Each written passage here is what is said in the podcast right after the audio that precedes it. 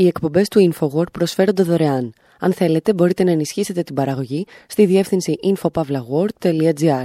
Η διεύθυνση infopavlagor.gr. Η εκπομπή InfoWord με τον Άρη Χατζηστεφάνου.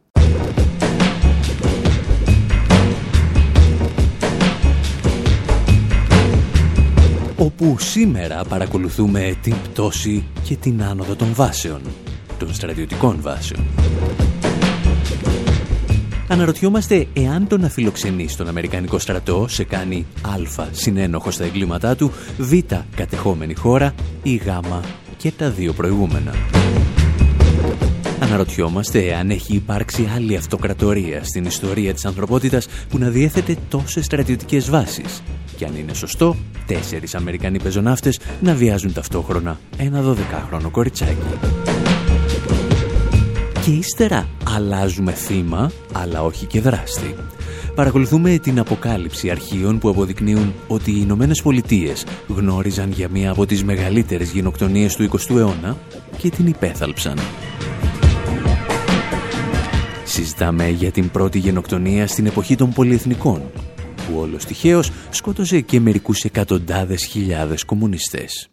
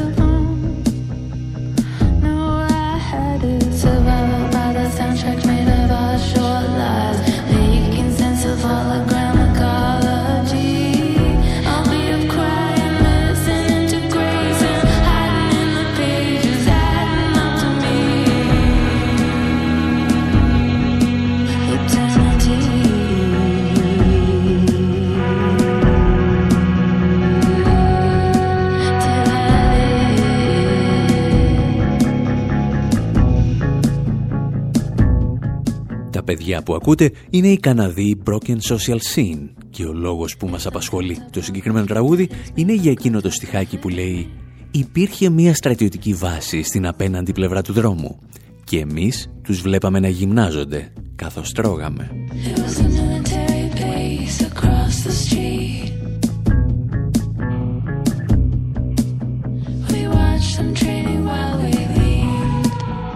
Εάν τώρα τυχαίνει και εσείς να βλέπετε μια ξένη στρατιωτική βάση από το παράθυρό σας, να ξέρετε ότι κατά 95% ανήκει στον Αμερικανικό στρατό.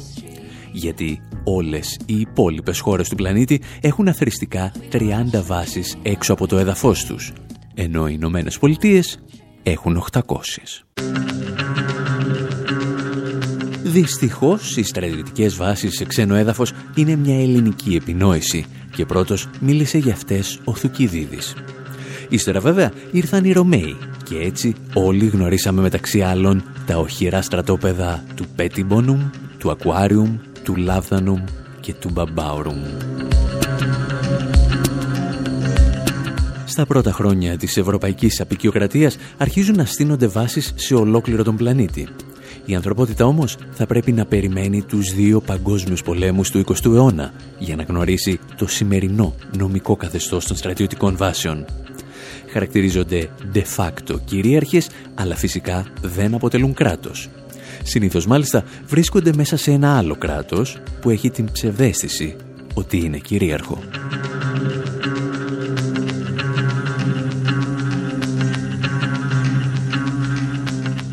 Σήμερα λοιπόν οι Ηνωμένες Πολιτείες διαθέτουν 800 βάσεις σε περίπου 80 χώρες.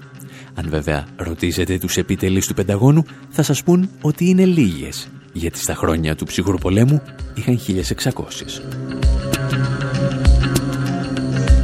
Το επιχείρημα αυτό όμως είναι ελαφρώς παραπλανητικό, γιατί όπως εξηγούσε ο David Vine, καθηγητής ανθρωπολογίας στο American University της Ουάσιγκτον, ο αριθμός των βάσεων μπορεί να μειώθηκε, αλλά η επιρροή τους μετά τον ψυχροπόλεμο αυξήθηκε.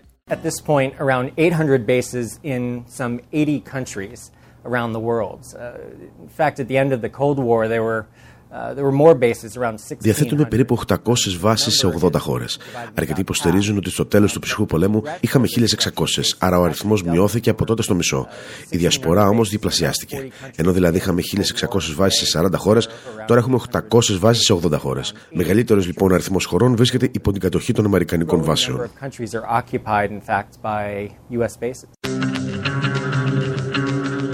Ο Βάιν δεν είναι ένας τυχαίος πανεπιστημιακός που ασχολείται με τις αμερικανικές βάσεις.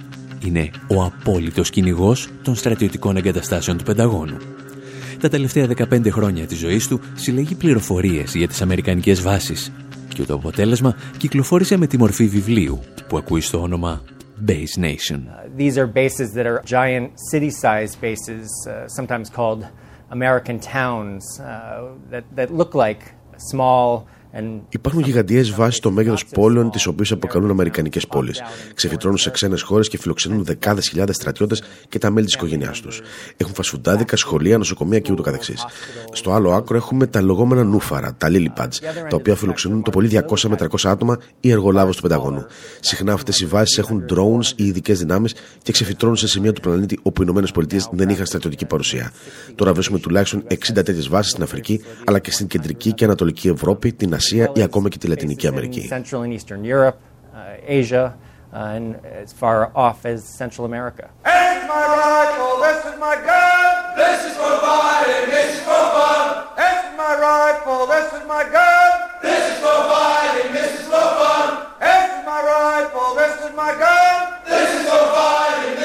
Ο Βάιν δεν έχει προφανώς αυταπάτες για το ρόλο των Αμερικανικών βάσεων.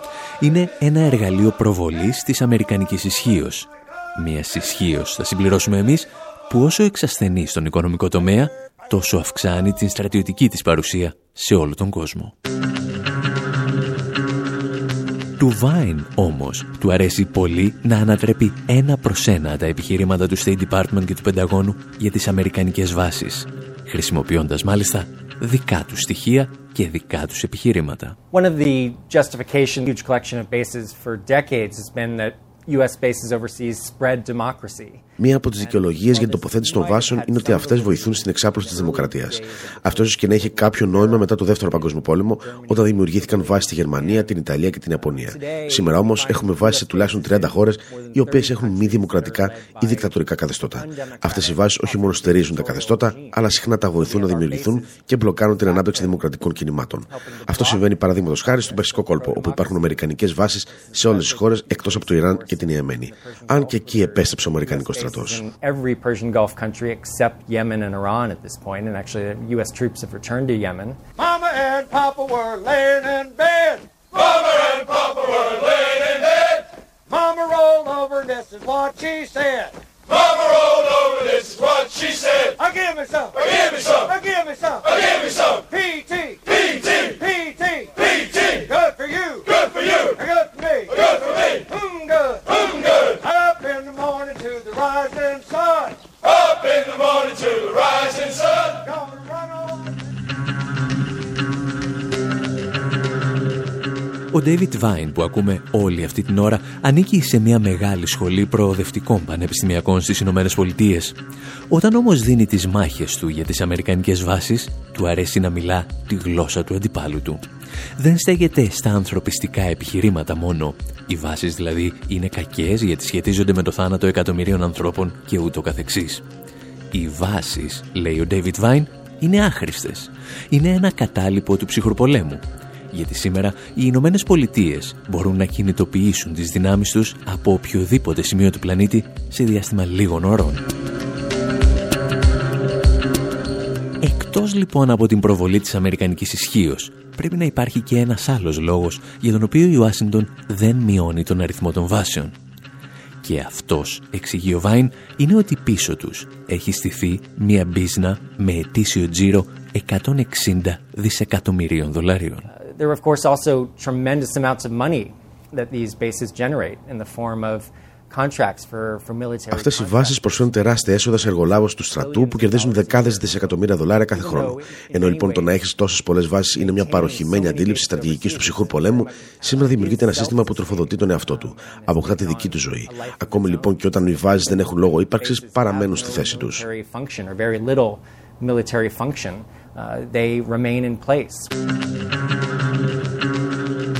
Ο David Vine, τον οποίο τόση ώρα ακούμε να μιλά στο δημοσιογράφο Regis Tremblay, είναι Αμερικανός και το βιβλίο του εξηγεί με εξαιρετικό τρόπο γιατί οι βάσεις είναι καταστροφικές και για τις Ηνωμένες Πολιτείες. Τι γίνεται όμως αν βρίσκεσαι στην άλλη πλευρά της εξίσωσης, αν είσαι δηλαδή το γεωπολιτικό προτεκτοράτο που καλείται να φιλοξενήσει τις Αμερικανικές βάσεις; Για αυτούς τους κακόμοιρους με τις ψευδεστήσεις γεωπολιτικού μεγαλείου θα μιλήσουμε σε λίγο.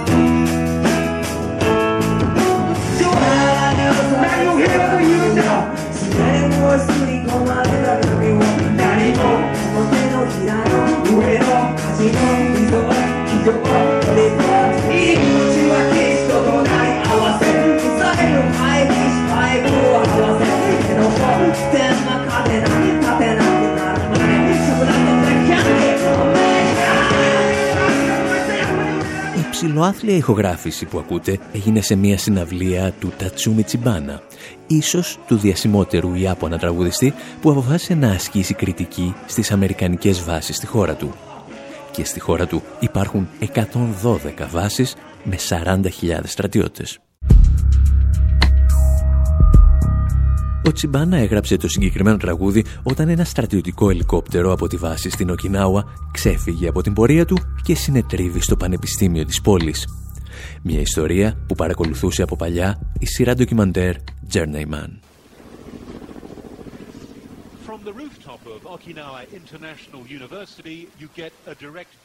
Από την ταράτσα του Διεθνούς Πανεπιστημίου του Σοκινάουα έχεις απρόσκοπη θέα στη βάση. Το 2003, ο Αμερικανός τότε Υπουργός Άμυνας, Ντόναλντ Ράμσελτ, δήλωσε ότι η βάση αυτή αποτελεί ένα ατύχημα εν αναμονή. Ένα χρόνο αργότερα επιβιώθηκε όταν ένα ελικόπτερο συνετρίβει μέσα στο Πανεπιστήμιο. Ήταν θαύμα που δεν σκοτώθηκε κανένας, αλλά καταστράφηκε μια ολόκληρη πτέρυγα. Οι Αμερικανοί απέκρισαν ολόκληρη την περιοχή και δεν επέτρεπαν την είσοδο σε σωστικά συνεργεία.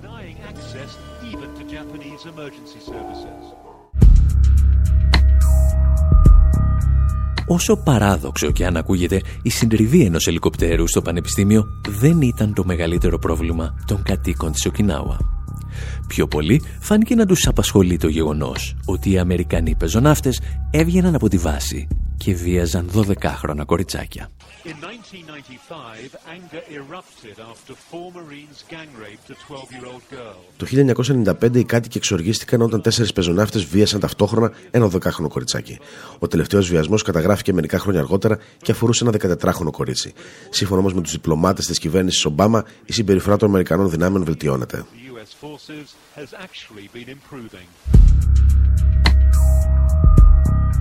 Ο βιασμός κοριτσιών δηλαδή, σύμφωνα με την κυβέρνηση Ομπάμα, ήταν η βελτιωμένη εκδοχή της συμπεριφοράς των Αμερικανών στρατιωτών. Το οποίο είναι απολύτως ορθό ως παρατήρηση. Αν σκεφτεί κανείς ότι στο Βιετνάμ, αφού τα βίαζαν τα κοριτσάκια, τα σκότωναν με μια σφαίρα στο κεφάλι ή τα έκαιγαν ζωντανά με ένα πάλμα. Όταν πάλι οι Αμερικανοί στρατιώτες δεν βιάζουν 12 χρόνια, βγαίνουν μεθυσμένοι με τα αυτοκίνητά τους στις βάσεις της Οκινάουα και σπέρνουν το θάνατο. Τα εξηγούσε στο ντοκιμαντέρ του Τζέρνεϊμαν ο Ιάπωνας δικηγόρος Αϊκή Τόσιο.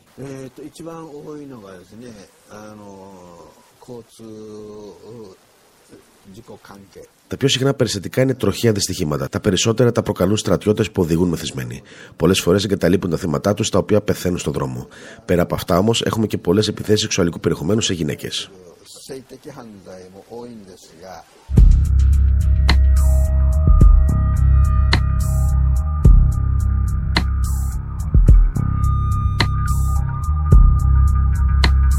Τα εγκλήματα των Αμερικανών στρατιωτών σε βάσεις σε όλο τον κόσμο είναι φυσικά αποτρόπαια. Για να είμαστε όμως ρεαλιστές, αυτό δεν είναι το μεγαλύτερο πρόβλημα που αντιμετωπίζουν οι χώρες που φιλοξενούν στρατιωτικές βάσεις. Σύμφωνα με τον David Vine, το μεγαλύτερο πρόβλημα είναι ότι οι βάσεις οδηγούν σε γεωπολιτική αστάθεια και κούρσα εξοπλισμών. In my mind, these are incredibly dangerous moves, especially the efforts to Πιστεύω ότι πρόκειται για ιδιαίτερα επικίνδυνες κινήσεις, ειδικά η αύξηση του αριθμού των βάσεων γύρω από την Κίνα και τη Ρωσία. Α σκεφτούμε πώς θα αντιδράσουμε αν η Κίνα και η Ρωσία έστεναν έστω και μια βάση κοντά στα Αμερικανικά σύνορα, στην Καραϊβική ή στο Μεξικό. Θα ξοδεύαμε αυτομάτως τεράστια ποσά για την άμυνα και τη δημιουργία αμυντικών συστημάτων. Γιατί λοιπόν να μην το κάνει και η Κίνα και η Ρωσία;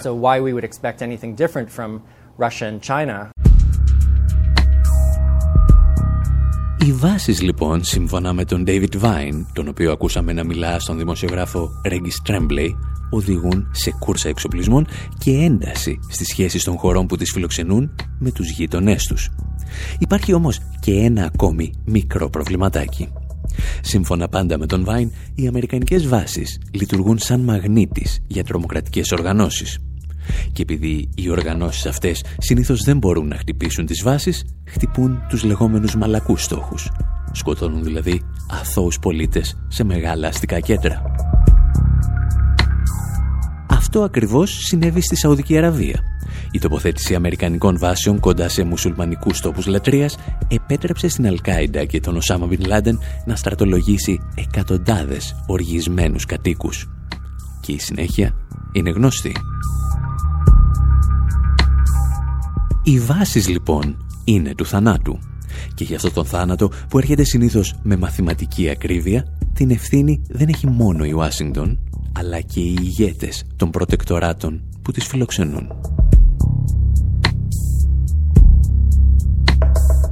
Εσείς πάλι μένετε εδώ, αν θέλετε, γιατί ύστερα από ένα μικρό διάλειμμα επιστρέφουμε με μουσικές ιστορίες για ένα γελαστό δικτάτορα. Στο μεταξύ, να μην ξεχνάτε πως ιστορίες σαν κι αυτές μαζεύουμε καθημερινά στη σελίδα μας info.pavlawar.gr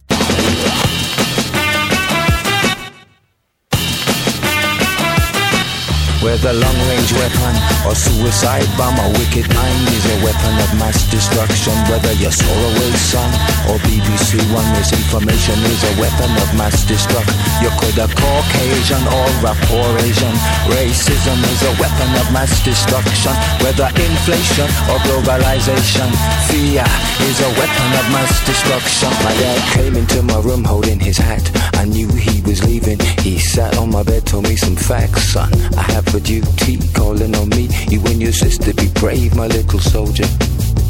And don't forget all I told you.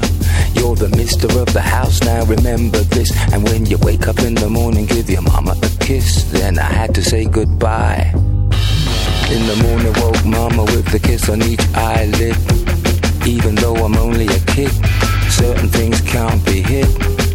Mama grabbed me, held me like I was made to go, but left her in the stories untold. I said, Mama, it'll be alright when Daddy comes home tonight. Whether long-range weapon or suicide bomb, a wicked mind is a weapon of mass destruction. Whether you're Solarway Sun or BBC One, misinformation is a weapon of mass destruction. You could have Caucasian or a poor Asian. Racism is a weapon of mass destruction. Whether inflation or globalization, fear is a weapon of mass destruction. Whether Halliburton, Enron or anyone greed is a weapon of mass destruction. We need to find courage, overcome inaction is a weapon of mass destruction. Inaction is a weapon of mass destruction. Inaction is a weapon of mass destruction. My story stops here. Let's be clear, this scenario is happening everywhere. And you ain't going to Nirvana or Farvana. You coming right back here to live out your karma with even more drama than previously. Seriously.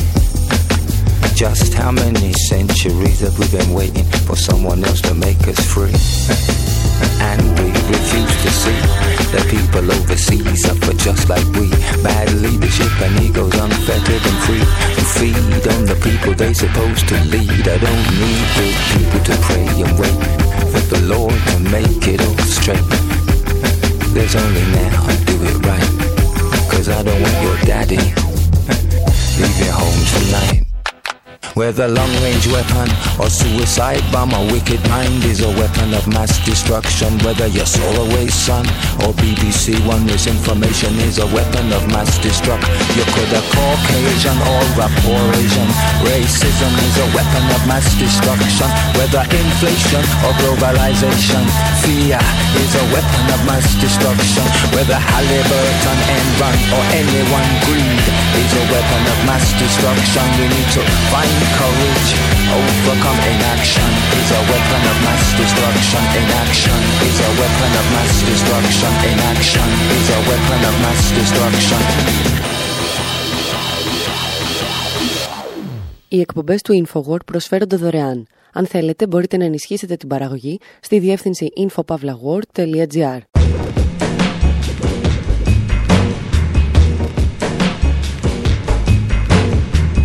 η εκπομπή Infowar με τον Άρη Χατζηστεφάνου. Όπου σήμερα διηγούμαστε ιστορίες για ένα γελαστό δικτάτορα, μια γενοκτονία και ίσως την μεγαλύτερη σφαγή κομμουνιστών στην ιστορία. Συζητάμε για μερικές πολυεθνικές που σχετίζονται με αυτή την ιστορία και ακούν σε ονόματα όπως General Electric και Siemens. Συζητάμε επίσης για έναν πόλεμο, το Διεθνές Νομισματικό Ταμείο και την Παγκόσμια Τράπεζα. Θυμόμαστε ιστορίες του ψυχρού πολέμου, οι πρωταγωνιστές των οποίων βρίσκονται ακόμη σε θέσεις κλειδιά στην παγκόσμια διπλωματία. Συζητάμε δηλαδή για την Ινδονησία και τον Σουχάρτο.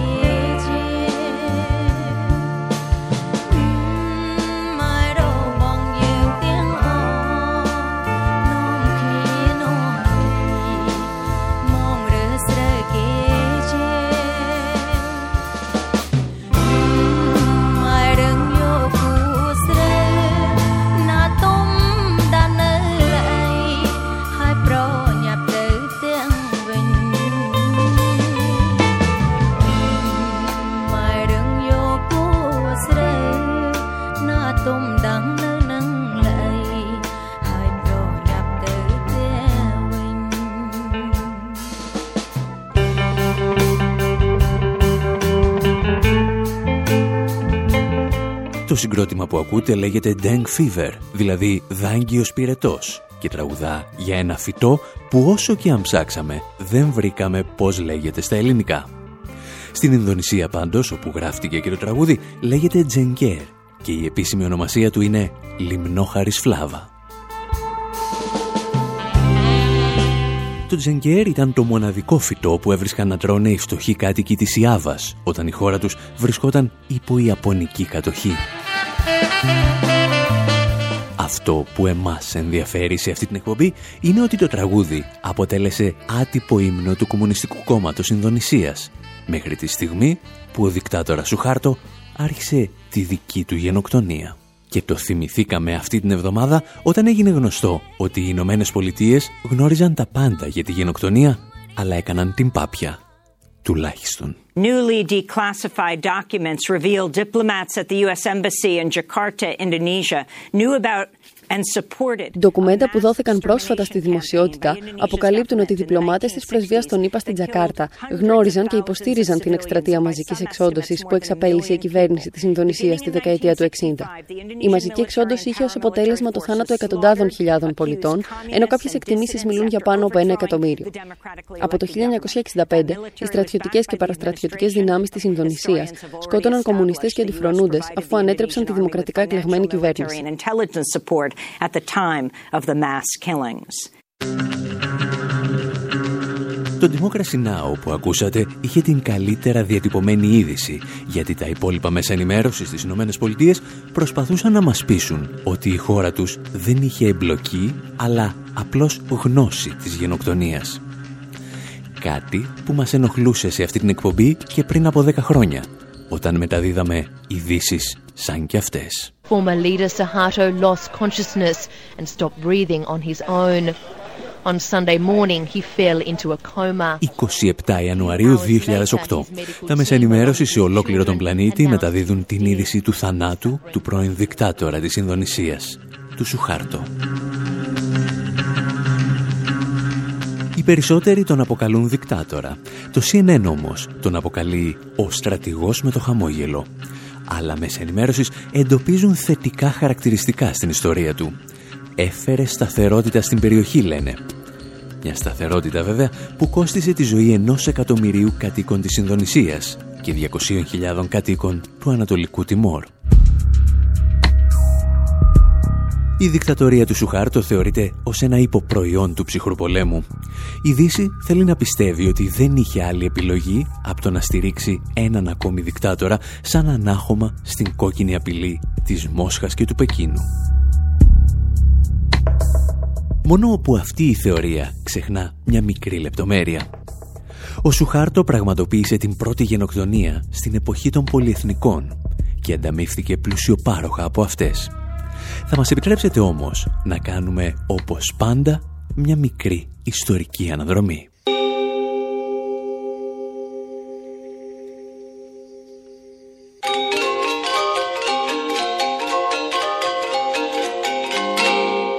Ο μικρός δικτάτορας της ιστορίας μας γεννιέται σε ένα χωριό στην ενδοχώρα της Ινδονησίας. Είναι Ιούνιος του 1921 και η Ινδονησία αποτελεί ακόμη Ολλανδική απικία. Επειδή ο μικρός σου χάρτο δεν λέει να στεριώσει σε καμία δουλειά, αποφασίζει να καταταγεί στον Ολλανδικό στρατό. Βέβαια, όταν η χώρα του καταλαμβάνεται από την Ιαπωνία, περνά στις τάξεις του Ιαπωνικού στρατού. Και ύστερα περνά στις τάξεις των εθνικιστών και στρέφεται εναντίον του Ιαπωνικού και του Ολλανδικού στρατού. Η ανεξάρτητη πλέον Ινδονησία έχει το μεγαλύτερο κομμουνιστικό κόμμα στον πλανήτη. Κυρίως όμως έχει έναν πρόεδρο, τον Σουκάρνο, ο οποίος δεν παίζει σωστά το παιχνίδι της δύσης. Κάποιος πρέπει να τον απομακρύνει από την εξουσία. Και αυτός ο κάποιος είναι ο στρατηγός Σουχάρτο. Τα εξηγούσε όμως πολύ καλύτερα ο βετεράνος δημοσιογράφος Τζον Πίλγκερ στο ντοκιμαντέρ του Death of a Nation. Ο θάνατος ενός έθνους. Για τις επιχειρήσεις της Δύσης, ο Σουχάρτο είχε ειδική αξία γιατί απομάκρυνε τον ιδρυτή της σύγχρονης Ινδονησίας, Αχμέτ Σουκάρνο, έναν εθνικιστή που πίστευε στην οικονομική ανεξαρτησία. Ο Σουκάρνο κρατούσε τις ξένες πολυεθνικές μακριά από τη χώρα. Μάλιστα πέταξε έξω τους πράκτορές τους, την Παγκόσμια Τράπεζα και το Διεθνές Νομισματικό Ταμείο. Ο Σουχάρτο λοιπόν ανατρέπει τον Σουκάρνο και με τη βοήθεια των Ισλαμιστών ξεκινά μία από τις μεγαλύτερες γενοκτονίες στην ιστορία της ανθρωπότητας. Η Δύση σιγοσφυρίζει αμέριμνα καθώς φαγιάζονται ένα εκατομμύριο άνθρωποι, σε πολύ μεγάλο ποσοστό κομμουνιστές. Ο τότε ανταποκριτής του BBC, ο Ρόλαν Τσάλις, στην Ινδονησία, θα μιλήσει αργότερα για συνενοχή του Λονδίνου στη γενοκτονία. Τις πρώτες ημέρες οι Βρετανικές πηγές προσποιούνταν ότι δεν γνώριζαν τι συνέβαινε. Φυσικά και γνώριζαν. Η θάλασσα και τα ποτάμια ξέβραζαν πτώματα. Υπήρχαν πτώματα ακόμη και έξω από τους τοίχους του Βρετανικού προξενείου, στην πόλη Σουραμπάγια. Η Δύση όμως δεν έκλεισε απλώς τα μάτια. Όπλισε το χέρι των δολοφόνων. Ακούμε και πάλι τον Τζον Πίλγκερ. Η CIA είχε προσφέρει μία λίστα με 5.000 ονόματα αντικαθεστωτικών για να εκτελεστούν. Τα στελέχη της Αμερικανικής Πρεσβείας έσβηναν με μία γραμμή κάθε όνομα που δολοφονούνταν. Και όταν ο Σουχάρτο σκότωσε ένα εκατομμύριο αντιφρονούντες, ήταν έτοιμος να ανοίξει τις πόρτες του σε πολυεθνικές επιχειρήσεις. Σε εταιρείες όπως η American Express, η General Motors, η Siemens και άλλες. Θα τα εξηγήσουμε ύστερα από ένα μικρό διαλυματάκι. 3, 5, 0, 1, 2, 5, go!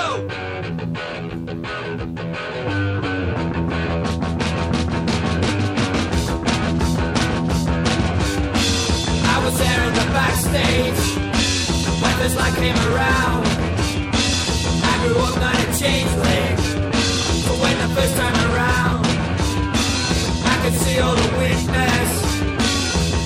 the faults But I can see all the tests Just a stick in your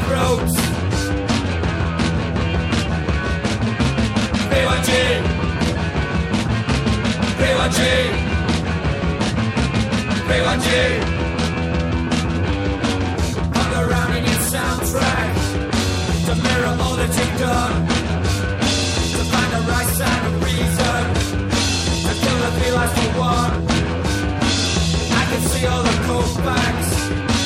I can see through your eyes. No contact. No matter how hard we tried. P1G. P1G. P1G.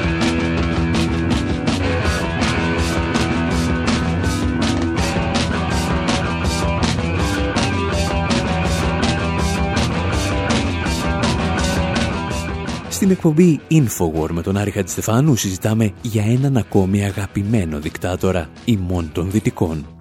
Έχουμε αφήσει τον Σουχάρτο τη στιγμή που ολοκληρώνει τη γενοκτονία του στην Ινδονησία. Και τότε συμβαίνει κάτι πρωτοφανές στην ιστορία της ανθρωπότητας. Η χώρα πωλείται. Γίνεται δοκιμαστικός σωλήνας νέων οικονομικών δογμάτων. Μας τα εξηγούσε όλα ο Τζον Πίλγκερ στο ντοκιμαντέρ του Death of a Nation. Ένα χρόνο μετά το λουτρό αίματος, η οικονομία της Ινδονησίας σχεδιάστηκε από το μηδέν. Στις Ηνωμένες Πολιτείες. η Δύση απέκτησε πρόσβαση σε τεράστια αποθέματα πρώτων υλών, νέες αγορές και φθηνό εργατικό δυναμικό. Αυτό που ο πρόεδρος Νίξον αποκαλούσε το μεγαλύτερο τρόπεο στην Ασία. Για να μοιράσουν αυτό το τρόπεο, οι πλουσιότεροι επιχειρηματίες του πλανήτη πραγματοποιούν μια ιστορική συνάντηση στην Ελβετία. In 1967, το 1967 η εταιρεία Time Life χρηματοδότησε μια διάσκεψη στην Ελβετία στην οποία καθορίστηκε η επιχειρηματική εξαγορά της Ινδονησίας. Συμμετείχαν οι ισχυρότεροι επιχειρηματίες του πλανήτη. Άνθρωποι όπως ο David Rockefeller, εταιρείες όπως η General Motors, η ICI, η British American Tobacco, η American Express και η Siemens. Απέναντί τους κάθονταν πολιτικοί από την Ινδονησία, τους οποίους είχε εγκρίνει ο Σουχάρτο. Across the table were Indonesian leaders approved by General Suharto. Η προσφορά του Σουχάρτο προς τη Δύση όμως δεν έχει ολοκληρωθεί ακόμη. Στις 7 Δεκεμβρίου του 1975 ο Σουχάρτο εισβάλλει στο Ανατολικό Τιμόρ. Πριν το κάνει όμως θέλει να συνεννοηθεί με τους ανθρώπους που τον στήριζαν όλα αυτά τα χρόνια. Τα εξηγούσε ο γνωστός μακαρίτης δημοσιογράφος και συγγραφέας Christopher Hitchens στο ντοκιμαντέρ «Η δίκη του Χένερ Κίσιγκερ». Η δικτατορία της Ινδονησίας ήθελε να καταλάβει τους ανθρώπους και τα εδάφη του Ανατολικού Τιμόρ. Κατέστρωσαν λοιπόν ένα σχέδιο για την κατάληψη της χώρας και τη γενοκτονία του πληθυσμού. Αυτό όμως που δεν είναι τόσο γνωστό είναι ότι την ημέρα που οι στρατηγοί έλαβαν αυτή την απόφαση, μαζί τους στο ίδιο δωμάτιο, καθόταν και ο Χένρι Κίσιγκερ. Στο ίδιο δωμάτιο με τον Κίσιγκερ βρισκόταν όμως και ένας άλλος κύριος, ελαφρώς πιο σημαντικός. Ο πρόεδρος των Ηνωμένων Πολιτειών, Τζέραλτ Φόρτ. Το τι διημήφθη εκείνη την ημέρα μεταξύ του Σουχάρτο, του Φόρτ και του Κίσιγκερ παρέμενε για χρόνια έπτα στο μυστικό. Τα πρακτικά της συνάντησης όμως ήρθαν κάποτε στο φως και η στοιχομηθεία που έκρινε το μέλλον μιας ολόκληρης χώρας πήγαινε κάπως έτσι. Suharto, I would like to speak to you, Mr. President, about another problem, Timor. Σουχάρτο, θα ήθελα να σας μιλήσω, κύριε Πρόεδρε, και για ένα άλλο πρόβλημα, το τιμόρ. Θέλουμε τη συγκατάθεσή σας, αν χρειαστεί να λάβουμε άμεσα δράση. Φόρντ, θα δείξουμε κατανόηση και δεν θα σας πιέσουμε. Κίσιγκερ, καταλαβαίνετε βέβαια ότι η χρήση Αμερικανικών όπλων ίσως προκαλέσει προβλήματα. Ό,τι και αν κάνετε θα πρέπει να έχει άμεσα αποτελέσματα. Εμείς θα καταφέρουμε να ελέγξουμε τις αντιδράσεις στι Ηνωμένες Πολιτείες. Ό,τι και αν κάνετε όμως πρέπει να γίνει αφού θα έχουμε επιστρέψει happens, after we return. Ο Φόρτ και ο Κίσιγκερ επιβιβάζονται στο προεδρικό αεροσκάφος και αναχωρούν αμέσως από την Ινδονησία για τις Ηνωμένες Πολιτείες. Ο Σουχάρτο όμως βιάζεται. Πριν ακόμη το προεδρικό αεροσκάφος μπει στον Αμερικανικό εναέριο χώρο, η Ινδονησία έχει εισβάλει στο Ανατολικό Τιμόρ. Οι δυνάμεις του Σουχάρτο προχωρούν σε μία ακόμη εθνοκάθαρση. Σκοτώνουν 200.000 άτομα, έναν στους τρεις κατοίκους της χώρας. Οι αναφορές που φτάνουν από το Ανατολικό Τιμόρ είναι και πάλι φρικιαστικές. Reports of uh, people being herded into Υπάρχουν αναφορές ότι ο στρατός κύκλωσε ανθρώπους που είχαν βρει καταφύγιο σε ένα σχολείο. Ύστερα έβαλαν φωτιά στο κτίριο και πυροβολούσαν όποιον προσπαθούσε να διαφύγει. Οι περισσότεροι καίγονταν ζωντανοί. Άλλες αναφορές κάνουν λόγο για ομαδικές εκτελέσεις με πολυβόλα. Ένας από τους ανθρώπους που παρακολούθησαν από κοντά τις εξελίξεις εκείνων των ημερών ήταν και ο Φίλιπ Λάιχτι, υπεύθυνος επιχειρήσεων της CIA στην Ινδονησία. Αυτό που εμείς λέμε σταθμάρχης. Μερικά χρόνια αργότερα μίλησε στον βετεράνο δημοσιογράφο Τζον Πίλγκερ. Κατάλαβα ότι η κυβέρνηση της χώρας μου εμπλεκόταν ενεργά στο τι συνέβαινε στο Ανατολικό Τιμόρ. Εμείς προσφέραμε τα περισσότερα όπλα. Ελικόπτερα, επιμελητιακή υποστήριξη, τρόφιμα και πυρομαχικά. Δηλαδή, ό,τι χρειαζόταν ο Ινδονησιακός στρατός για να πραγματοποιήσει αυτό τον πόλεμο. Ήμουν σίγουρος, πέραν κάθε αμφιβολίας, ότι ο Σουχάρτο είχε πάρει το πράσινο φως από εμάς για να κάνει ό,τι έκανε.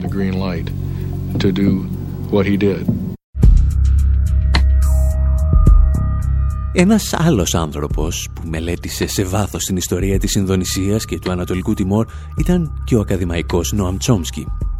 Ο Τσόμσκι έφερε στο προσκήνιο νέες καταγγελίες για το ρόλο όχι μόνο των Ηνωμένων Πολιτειών αλλά και της Βρετανίας και της Γαλλίας, χώρες που πουλούσαν τεράστιες ποσότητες όπλων στη χούντα του Σουχάρτο. Ο Τσόμσκι μίλησε επίσης για το ρόλο του Ισραήλ, μέσω του οποίου διοχετεύονταν μεγάλες ποσότητες αμερικανικών όπλων προς τον Σουχάρτο. Όταν δηλαδή το Κογκρέσο είχε επιβάλει ένα υποτυπώδες εμπάργκο στην Ινδονησία. Ο Νόαμ Τσόμσκι όμως μίλησε και για το πολιτικό τέλος του Σουχάρτο. Γιατί ενώ οι περισσότεροι αναφέρουν σήμερα ότι ο δικτάτορας έπεσε από τη λαϊκή δυσαρέσκεια, ξεχνούν ότι έκανε μερικά λάθη που πίκραναν τους συμμάχους του στη Δύση. Τα εξηγούσε όμως πολύ καλύτερα ο ίδιος ο Τσόμσκι.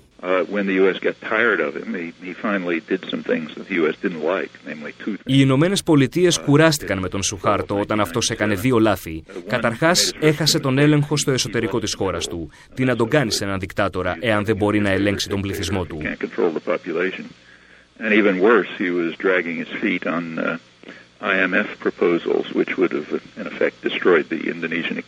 Κατά δεύτερον, δεν αποδεχόταν με θέρμη τις προτάσεις του Διεθνούς Νομισματικού Ταμείου. Προτάσεις που θα είχαν καταστρέψει την οικονομία της Ινδονησίας. Και τότε συνέβη κάτι εκπληκτικό. Οι άνθρωποι του Διεθνούς Νομισματικού Ταμείου πήγαν στην Ινδονησία για να τον πιέσουν. Κυκλοφόρησε μάλιστα στις εφημερίδες και η εξής φωτογραφία. Ο Σουχάρτο καθόταν στο γραφείο του και υπέγραφε έγγραφα, ενώ ο διευθυντής του Διεθνούς Νομισματικού Ταμείου καθόταν από επάνω του με σταυρωμένα χέρια. Ήταν μια απικιακή εικόνα.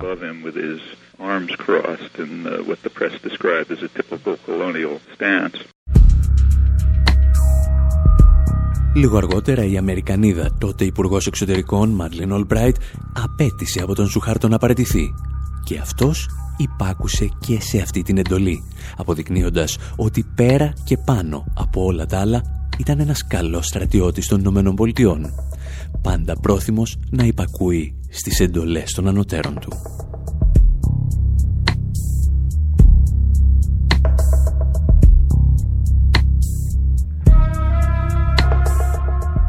Κάπου εδώ όμως φτάσαμε και για αυτή την εβδομάδα στο τέλος. Μέχρι την επόμενη να μας ψάχνετε και να μας βρίσκετε στη διεύθυνση info.pavlawar.gr και να παρακολουθείτε από εκεί τι γράφουμε κάθε κάθε μέρα. Από τον Άρη Χατζηστεφάνου στο μικρόφωνο και τον Δημήτρη Σαθόπουλο στην τεχνική επιμέλεια, γεια σας και χαρά σας.